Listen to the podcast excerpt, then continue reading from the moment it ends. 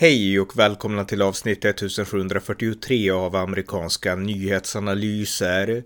En konservativ podcast med mig, Ronny Berggren, som kan stödjas på swishnummer 070-30 28 95 0. I dagarna har det även här i Sverige pratats mycket om Donald Trumps middag med den numera öppet antisemitiske rapparen Kanye West och den högerextrema opinionsbildaren Nick Fuentes. Betoningen har lagts på hur farligt det är att Trump leker med antisemiter. Men det är inte hos Trump eller inom det republikanska partiet som det finns antisemitism. Antisemitismens stora grogrund finns idag inom delar av USAs svarta community, där Kanye West tar avstamp. Här berättar jag mer. Varmt välkomna. Ja, jag tänkte i det här avsnittet berätta om mitt senaste Substack-inlägg. Jag har ju som sagt, som jag tror att jag sa i en tidigare podd, skaffat Substack. Substack är ju den här bloggsajten som har gjort e-postlistor populära igen. Ni minns kanske för 10-15 år sedan, då skulle alla prenumerera på e-post, eh, alltså brev och länkar och sådär. Eh, systemet finns fortfarande kvar, men nästan inga använder det på samma sätt. Och man skulle ha e-postlistor och liknande. Men Substack har gjort det populärt igen. Det är ju i grunden en bloggsajt, men i motsats till Wordpress och liknande sajter så skickas primärt artiklarna man skriver ut via mail så att det kan läsas direkt av de som prenumererar. Och eh, jag skaffade Substack för en dryg vecka sedan. Min adress är roniberggren.substack.com och eh, jag kör det här fria alternativet så att det är helt gratis att läsa, helt gratis att prenumerera och helt öppet för de som vill.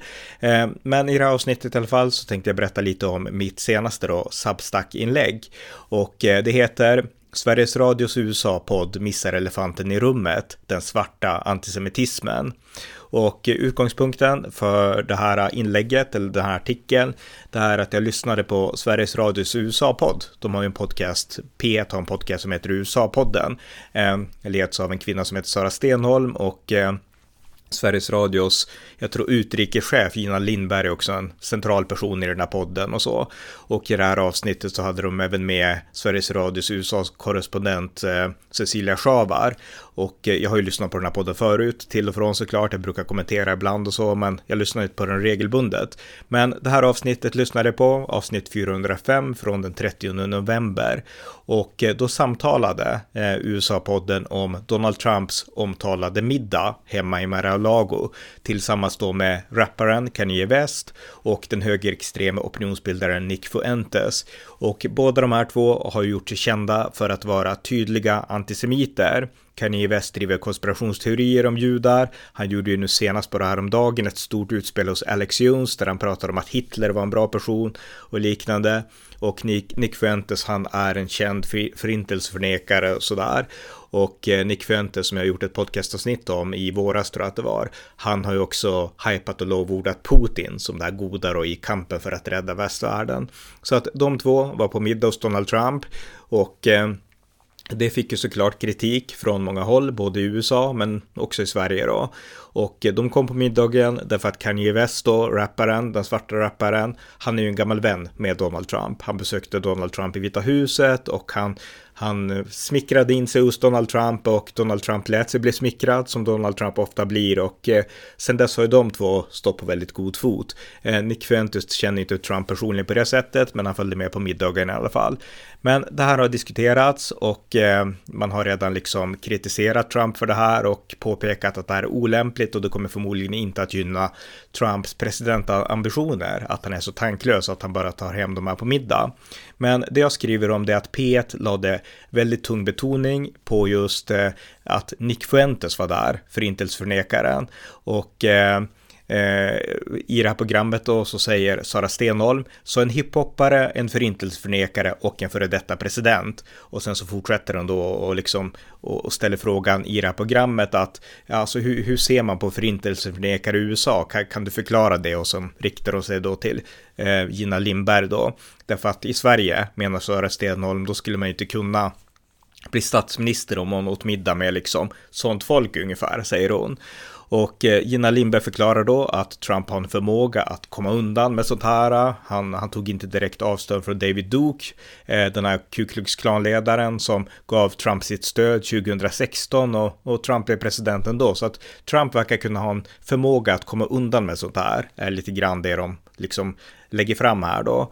Och eh, det som förvånade mig, det var dels att man på något sätt eh, fäster det här narrativet. Därför att om man säger en sån här sak, att Trump kan komma undan, ja visst, och att det här var tanklöst, ja visst, det var onekligen tanklöst. Men man måste då balansera det med att samtidigt betona att Trump inte är antisemit. Jag menar, Nick Fuentes är antisemit, det vet vi redan, men Trump är inte det. Det vet vi också redan och väldigt tydligt.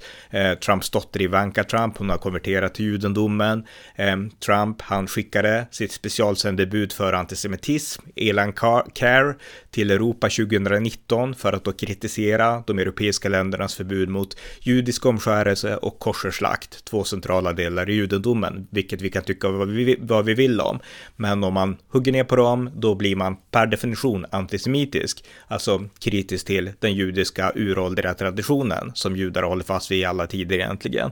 Och eh, Trump kritiserade det, att europeiska länder tog de stegen. Eh, Trump har också stått på Israels sida i förhållande både till palestinierna och Iran. Så att Trump är ju inte antisemit och jag tycker att det hade varit viktigt att betona i det här inslaget. Jag menar, kritiken mot Trump för att han bjöd in de här människorna som är antisemiter eh, till sitt hem i Mar-a-Lago. Det är en befogad kritik, men man måste ju också ha perspektivet och behålla balansen och ändå kunna säga att Trump är ju inte antisemit.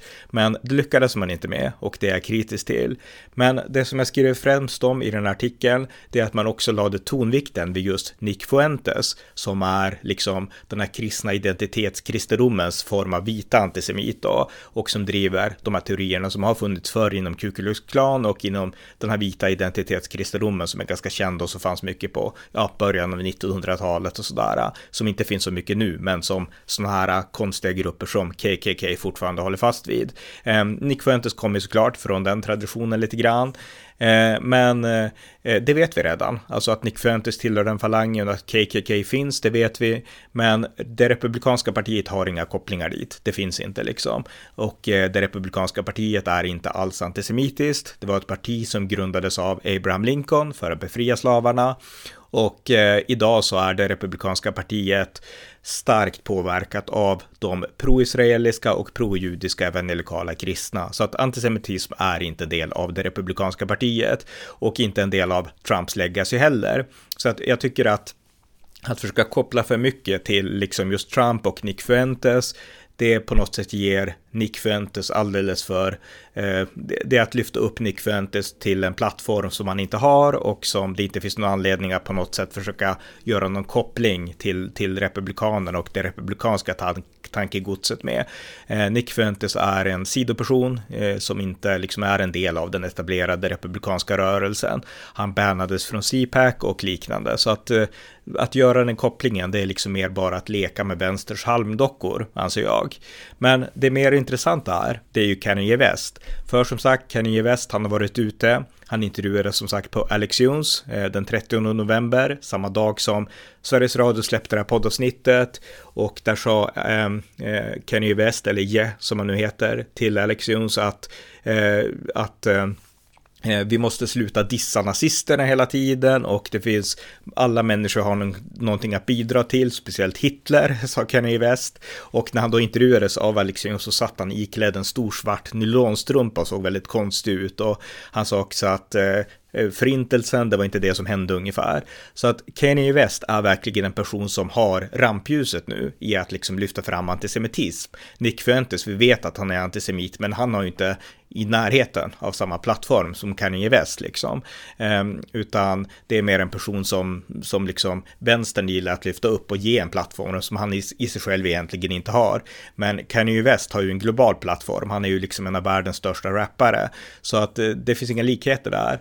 Och det intressanta är att eh, Sveriges Radio P1 ignorerar att Kanye West är en del av en, st en större helhet.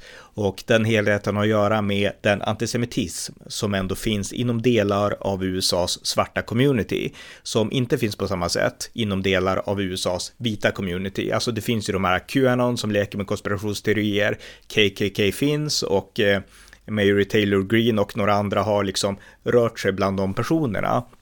Men överlag eh, vita USA påverkas inte av det här rastänkandet, det vet jag. Och eh, de här konstiga udda rörelserna, KKK-teologin, alltså den här gamla djupa sydstatsteologin eh, som, som fanns för, den finns inte idag. Absolut inte inom det republikanska partiet, det vet jag också. Jag är teologiskt skolad och sådär. Så att eh, det är inte det som är så intressant eh, att prata om. Men däremot så finns de här eh, rörel rörelserna fortfarande där tankegodset kvar på den svarta sidan. Eh, för det var ju så här att Eh, Eh, det är inget snack om att USA har varit rasistiskt och liknande, men det har också uppstått svart separatism och svart maktrörelser i USA. Eh, en av de första och den mest inflytelserika, eh, inflytelserika det är såklart Nation of Islam, eh, som grundades 1930. På 70-talet då togs ledarskapet över, över Nation of Islam över av Louis Farrakhan och Nation of Islam är ju en svart maktorganisation som blandar islamiska, ytligt blandar islamiska attribut eh, med den här typiska amerikansk-protestantiska hermeneutiken, där man kan tolka in lite vad som helst och på något sätt säga att vi, det amerikanska folket, vi är liksom de ursprungliga, de riktiga, de riktiga kristna och vi bevarar den riktiga tron. Jag menar, mormonismen är sån, väldigt så här liksom amerikansk influerad med liksom kristen teologi och bibliska referenser. Och Nation of Islam är likadan, fast då väver man in islam istället för liksom bibeln. Och eh, Nation of Islam är ju väldigt antisemitiskt. De vill dels så har de förespråkat radikal, liksom rasseparation och liknande. Och de anser då att vita är den ondskefulla rasen och att judar inte är utvalda folket utan att svarta är de riktiga semiterna ungefär. Och eh, Även Louis Farrakhan, han har ju pratat gott om Hitler. Eh, 1984 eh, så sa han att Hitler var en very great man.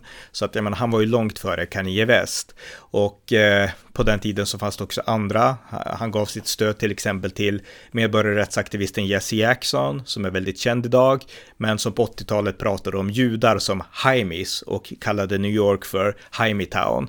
Eh, och det är också en känd svart personlighet då.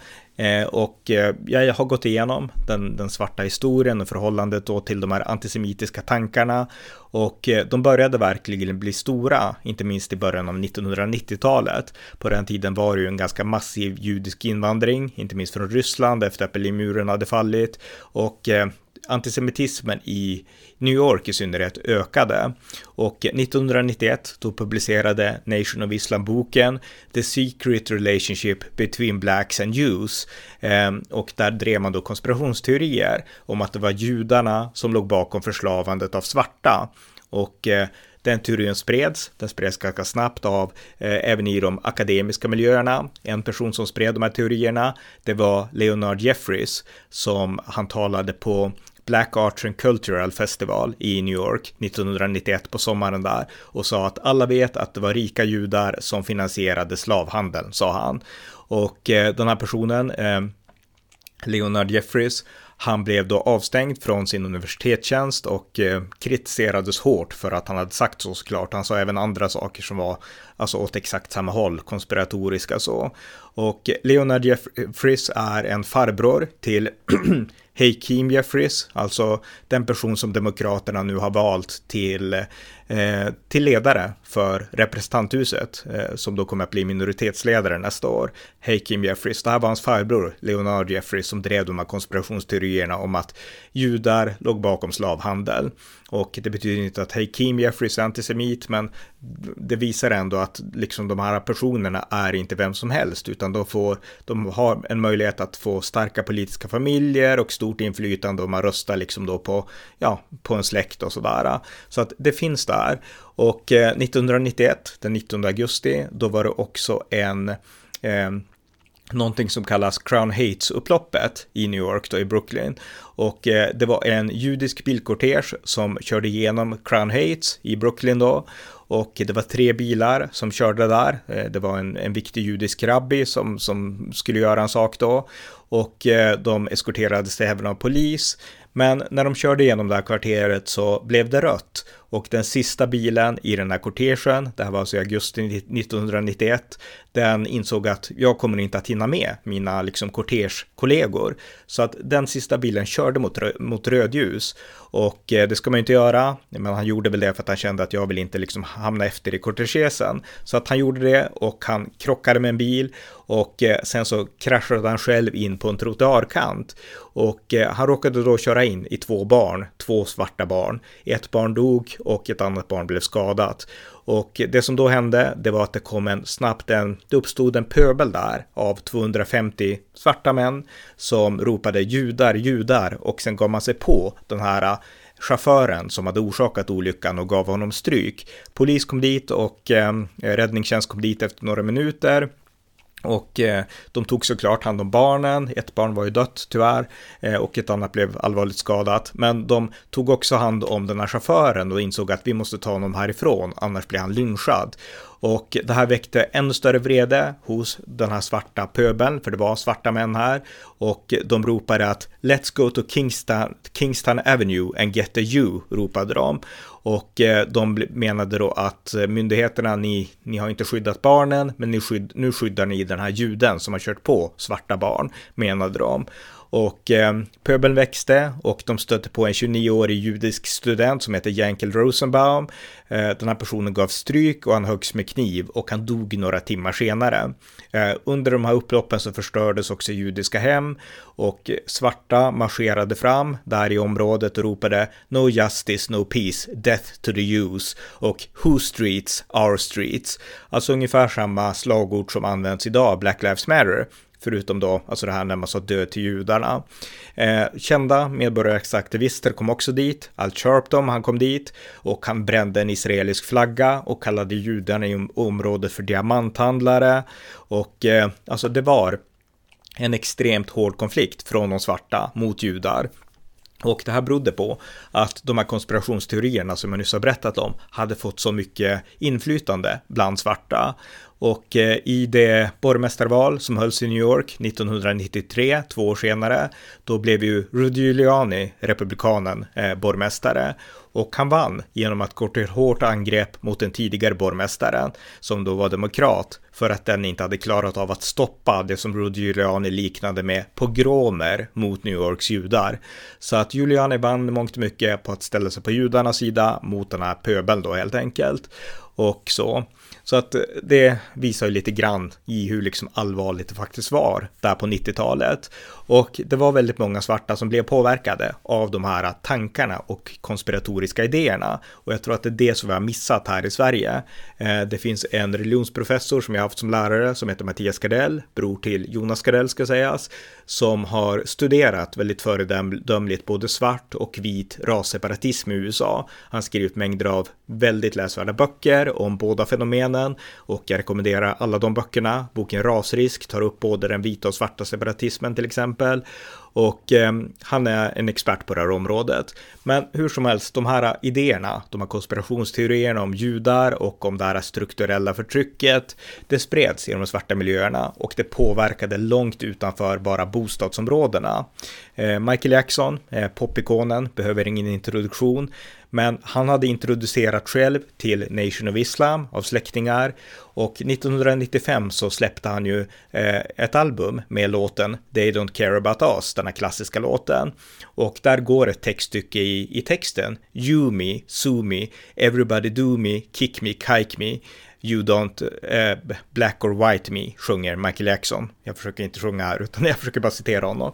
Men han säger alltså you me, alltså jude. Och eh, han använde de här liksom nedlåtande epiteten och för det så fick han väldigt mycket kritik redan då 1995, Michael Jackson av judiska organisationer. Han lovade att stryka den här texten i framtida inspelningar och ändra den, men det fanns fortfarande kvar i musikvideon och, och liknande. Och eh, Michael Jackson var ju inte antisemit, han betonade det själv att det är absolut inte, och hans sånger handlar inte om sånt. Och eh, jag tror honom, alltså eh, jag tror inte att han var antisemit Michael Jackson, men bara att han har de här liksom rem- ramserna, det visar ändå hur mycket det här tänkandet präglade miljön. Jag menar, även om Michael Jackson i säsong bara ville liksom kanske reflektera gettomiljön, så visar det ändå hur mycket det här tänkandet på något sätt fanns och existerade bland somliga svarta. Och judiska organisationer var tydliga med att liksom uppmärksamma det. Och många av de här teorierna kom från Louis Farrakhan och, eh, och Nation of Islam och även Michael Jackson hade kontakter med de här. Louis Farrakhan svärson, Leonard Mohammed, han blev eh, den som ledde för ett i ett antal år, Michael Jacksons säkerhetspåbrå till exempel. Så att de här idéerna hade verkligen inflytande. Och eh, det blev ändå, även så politiskt så var det så. Och eh, det uppmärksammades inte minst när Barack Obama, demokraternas president, eh, började överväga att kandidera till president. Barack Obama var ju senator från Illinois och han eh, Eh, ja, han började på allvar omdiskuteras där kring 2006 som en potentiellt stark presidentkandidat. Och med tiden så började det uppmärksammas olika saker. Dels så uppmärksammades det, uppmärksammades det att eh, Obama hade träffat Louis Farrakhan, även om bilden kom ut långt senare, fotografiet där de stod tillsammans. Men de hade träffats i alla fall och Louis Farrakhan bodde ju precis som Obama i Chicago och Louis Farrakhan gav stöd till Obamas presidentkampanj. Och eh, jag tycker att det var intressant att man på Sveriges Radio P1 och betonade att Trump inte hade tagit direkt avstånd när David Duke eh, hade gett Trump sitt stöd. Men faktum var att Barack Obama tog inte heller direkt avstånd när Louis Farrakhan gav Barack Obama sitt stöd. Utan i en primärvalsdebatt mellan Hillary Clinton och Barack Obama där på våren 2008, då fick eh, Eh, Obama den här direkta frågan. Alltså du har fått stöd av Louis Farrakhan som är en antisemit och Barack Obama sa att jag har tydligt tagit avstånd från Louis Farrakhans antisemitism, det vet alla och det var helt sant i Barack Obamas fall. Men gällande då att ta avstånd från Louis Farrakhan så sa Obama så här ehm, You know I can't say to somebody that he can't say that he thinks I'm a good guy, sa Obama. Så att han, han sa liksom lite grann att eh, ja, men alltså om han tycker att jag är bra, varför ska jag ta avstånd från det ungefär? Alltså lite samma inställning som den Trump hade. Eh, Hillary Clinton i den, i den debatten då, hon försökte pressa på och hon sa att man måste ta avstånd och verkligen rejekta ett endorsement i sådana här situationer. Och Obama svarade att eh, ja, ja, okej, okay, om du tycker att, alltså det finns inget att rejekta för vi har inget samarbete, sa Obama. Men okej, okay, om du tycker att ordet rejekt är väldigt viktigt istället för att bara denounce, då kan jag väl göra det då och rejecta Louis Farrakhan, sa Obama. Och eh, Donald Trump, han eh, när han fick en fråga om David Duke, ungefär tio år senare då, när, när Donald Trump kandiderade, då sa han ungefär samma sak, för det var eh, John Haleman från Bloomberg som, som frågade liksom Trump hur han såg på David Dukes stöd och om han skulle repud repudiate, alltså ta avstånd från David Duke, eh, varpå Trump svarade “Sure, I will do that if that would make you feel better”, sa, sa Donald Trump eh, och sådär. Så att det var ett ganska liknande svar som det Obama hade gett och jag tycker att att i ett sånt här inslag så blåser man upp att oh, Trump tog inte avstånd direkt från David Duke. Men man gör inte den här parallellen och liksom hur har andra presidentkandidater gjort i liknande situationer? Hur man har gjort, hur har liksom demokrater gjort för att förhålla sig till svartmaktrörelsen och eh, man kan se att Obama och Trump, alltså det politiska spelet funkar så, de är ungefär likadana. Jag menar, Trump är inte antisemit och eh, Obama är ingen svart maktperson liksom. Men båda inser att det finns väljarskalor här nu, skaror här nu och vill de rösta på oss så, så visst ungefär. Så att man går en balansgång här och det tyckte jag inte framkom tydligt nog i Sveriges Radios P1 inslag. Så att eh, eh, sen har vi också i diskussionen om det här Jeremiah Wright som var Obamas pastor som eh, hade döpt hans döttrar och eh, vikt honom och Michelle Obama och eh, Jeremiah Wright vart ju känd för att han ropade God damn America. Men Jeremiah Wright pratar också väldigt anti-israeliskt. Han betraktade Israel som statsterrorister och när Barack Obama kandiderade, då var det många judiska grupper som var bekymrade. Kommer det här att påverka dig Obama? Alltså vi inser att du verkar vara en schysst kille, du verkar inte alls vara den här schablonbilden av en arg, skrikig svart man liksom. Men eh, kommer det här tankegodset som finns i de här miljöerna som vi vet vet att du kommer ifrån, kommer det att påverka dig politiskt? De farhågorna fanns bland USAs judiska community och eh, Obama lyckades stilla dem och förklara att jag liksom tar avstånd från allt det här och ni behöver inte vara rädda ungefär. Så att eh, han lyckades ju mildra deras oro, men oron fanns på grund av att de visste vad som fanns i bakgrunden i de här miljöerna och det tycker jag inte heller har kommit fram tillräckligt bra i svensk media till exempel. Eh, en annan grupp som blev väldigt omtalad eh, för några år sedan, det var Black Hebrew Israelites.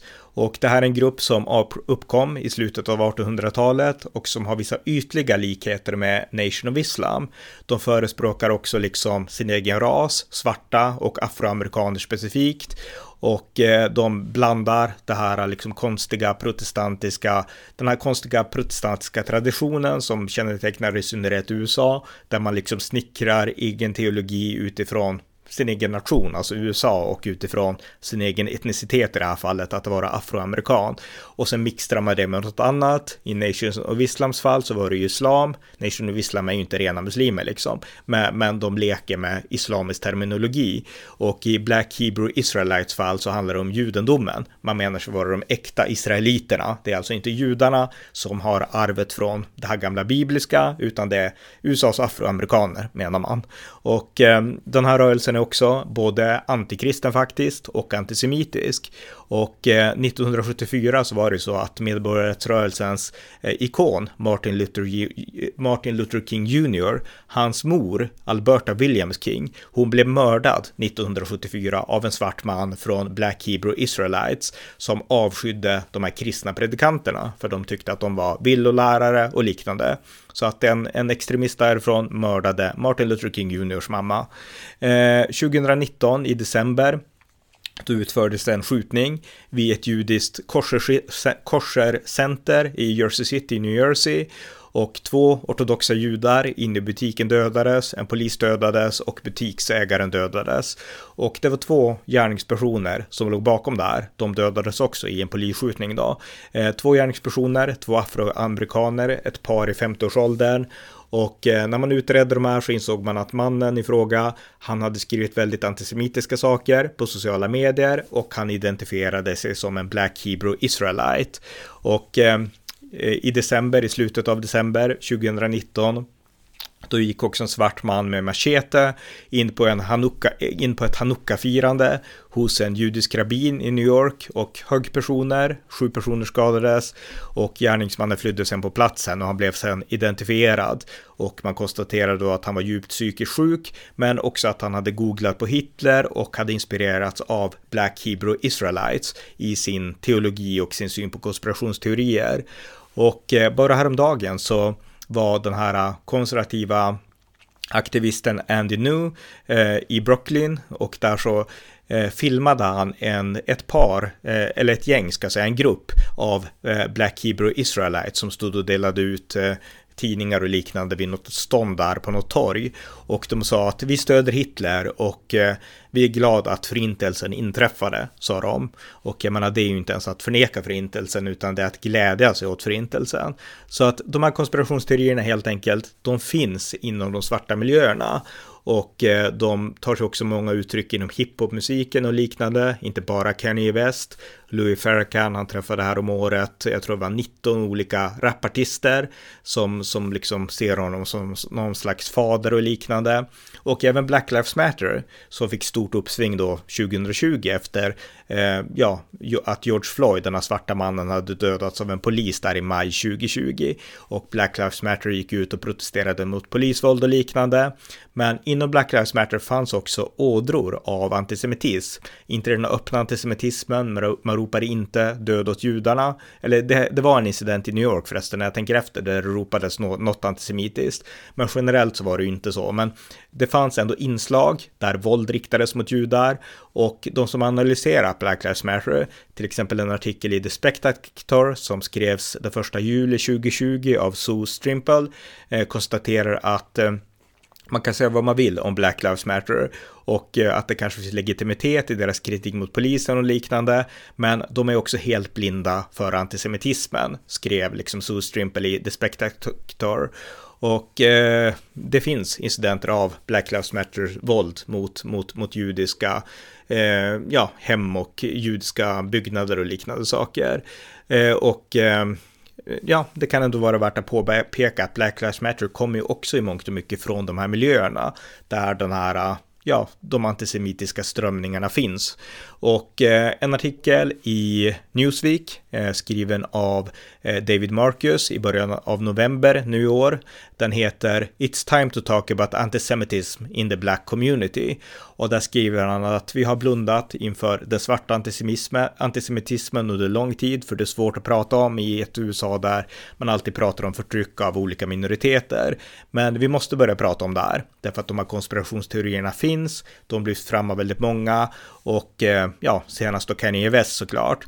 Eh, men vi måste upplysa om att det här är fel, det är problematiskt och vi måste kontra genom att lära ut riktig judisk historia bortom de här pseudohistorierna, konspirationshistorierna om judar som ansvariga för slavhandeln och liknande. Och, eh, och så. Så att det är så här situationen ser ut i USA, beskriver jag. Och allt mer uppmärksamhet börjar riktas mot att det finns en svart antisemitism som vi har blundat för. Och i den här artikeln är jag då kritisk till att Sveriges Radio också har blundat för det och bara vill betona det här som kan koppla Trump och kanske Republikanerna till antisemitism. Trots att alla som kan det republikanska partiet vet att Republikanerna är inte antisemiter. Som sagt, den stora faktorn för liksom synen på det judiska och det israeliska inom det republikanska partiet, det är de vita evangelikala kristna som älskar Israel och älskar det judiska folket och som i princip är immuna mot antisemitism. Så att eh, eh jag tycker ändå att mm, ja, Sveriges Radio borde ha nyanserat och lyft fram också den här det här problematiska svarta bagaget som verkligen finns. Men det har man ofta misslyckats med i Sverige. Eh, där har man liksom på något sätt betraktat USA och ras konflikterna i USA ur ett svenskt och väldigt socialistiskt präglat perspektiv, där man har betraktat vita som de historiska förtryckarna och svarta som de förtryckta. Och sen har man inte gjort några djupare analyser än så. Och eh, det finns så många exempel på det. 2019 då bjöd ju SVT eh, Skavlan eh, på SVT och på NRK finns det väl också antar jag då.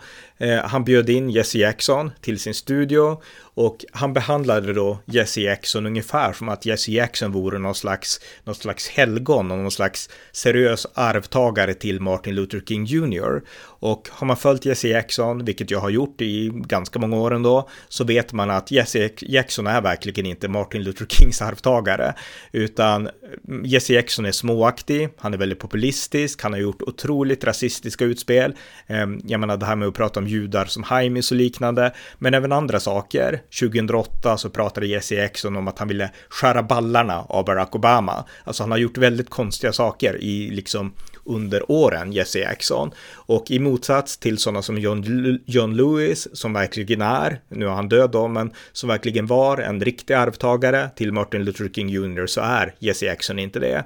Och USAs eh, medborgarrättsrörelse. Det var inte bara eh, Martin Luther King Jr, det var också Nation of Islam, det var Black Panthers och liknande. Det fanns tydlig rasseparatism, det fanns radikal marxism inom de här rörelserna och alla kämpade inte bara för rättvisa utan de kämpade för sina egna saker och sina egna mål. Och eh, Jesse Jackson, han, han tillhör inte de här som verkligen gick på integritet och hade liksom blicken på målet hela tiden på det sätt som Martin Luther King ändå hade. Jag menar, det som har gjort att Martin Luther King Jr har sån status idag överallt, det var att han hade integritet och han ville arbeta inte för rasmotsättningar, att nu ska svarta dominera, utan han ville arbeta och verka för försoning och ett jämlikt samhälle. Det är det som jag honom så stor, Martin Luther King Jr. Men hela medborgarrättsrörelsen var inte sån utan det är ganska komplext där och jag tycker att det framkommer inte alls i Sverige, utan där har man den enkla bilden, svarta, de är de förtryckta och därmed de goda, vita, de är förtryckarna och därmed de onda. Alltså man gör inte komplexiteterna tydliga i, i svensk media och man har aldrig gjort det så länge jag har hängt med. Och man gör det inte heller då i det här programmet på Sveriges Radio. Och eh, det tycker jag är synd, därför att det skulle behövas, alltså man skulle behöva förstå nyanserna på ett tydligare sätt. Och eh, ja, för att göra det i, i svensk media så tror jag att det behövs fler konservativa alternativ. Och det är ju ett sånt alternativ då som jag gärna vill vara genom mitt poddande och genom mina texter och sådär. Så att det var en kort genomgång av det här ämnet som jag hoppas ni fann intressant. Artikeln heter alltså Sveriges Radios USA-podd missar elefanten i, elefanten i rummet, den svarta antisemitismen. Och den går alltså att läsa på min Substack-sida, roniberggren.substack.com. Så läs gärna den och prenumerera gärna på mitt nyhetsbrev där. Ni har lyssnat till amerikanska nyhetsanalyser, en podcast som ni gärna får stödja på swishnummer 070-30 28 95 0 eller via hemsidan usapool.blogspot.com på Paypal, Patreon eller bankkonto. Skänk också gärna en slant till valfri Ukraina-insamling. Allt gott tills nästa gång.